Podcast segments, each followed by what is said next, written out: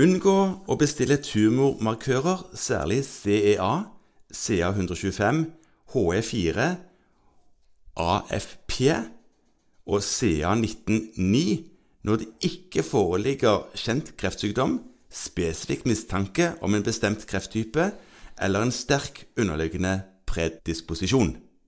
Ja, det var langt. Det er intet mindre enn alt det. Nei, dette er det jo biokjemikerne som har skrevet. Ja.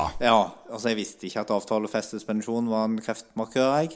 Nei, det var, det var avanserte greier her, du. Ja. Ja. Eh, grunnen til dette rådet er at disse prøvene her de er veldig nyttige til å, å evaluere effekten av og styre behandlingen av kreftsykdommene. Ja, Mm. følge kjent sykdom. Ja, men som screeningprøver er de svært lite verdt. Ja. Fordi de i liten grad kan brukes til å utelukke sykdom, og de i mange tilfeller lett for høye verdier kan skyldes andre ting.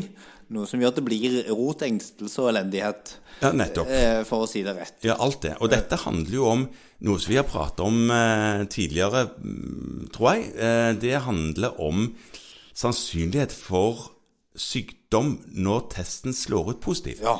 Mm. Altså en pretestsannsynlighet for sykdom, Ja. som jo er vidt forskjellig dersom du har en kjent sykdom hvor en kan forvente at disse verdiene er høye, eller dersom du ikke har en kjent sykdom hvor man ikke vet noen ting om disse verdiene sånn sett. Nei, absolutt. Og det er kjempeviktig. Og så, så sier rådet faktisk spesifikk mistanke om en bestemt krefttype eller en sterk underliggende predisposisjon.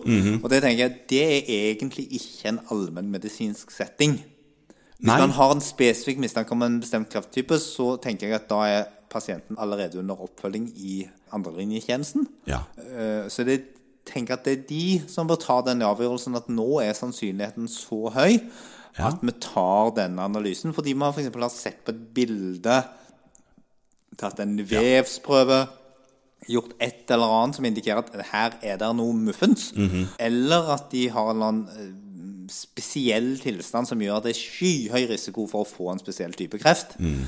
Eh, Da kan dette gjøres. Eh, Det er ikke noe som skal gjøres på et fastlegekontor.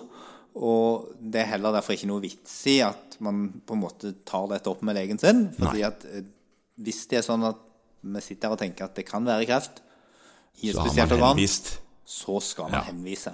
Og i epikrisene, etter at man har henvist og får pasienten tilbake igjen, så vil det jo noen ganger stå at denne pasienten skal følges med den og den prøven hver sjette måned, f.eks. Ja, men da er det kjent kreft. Ja.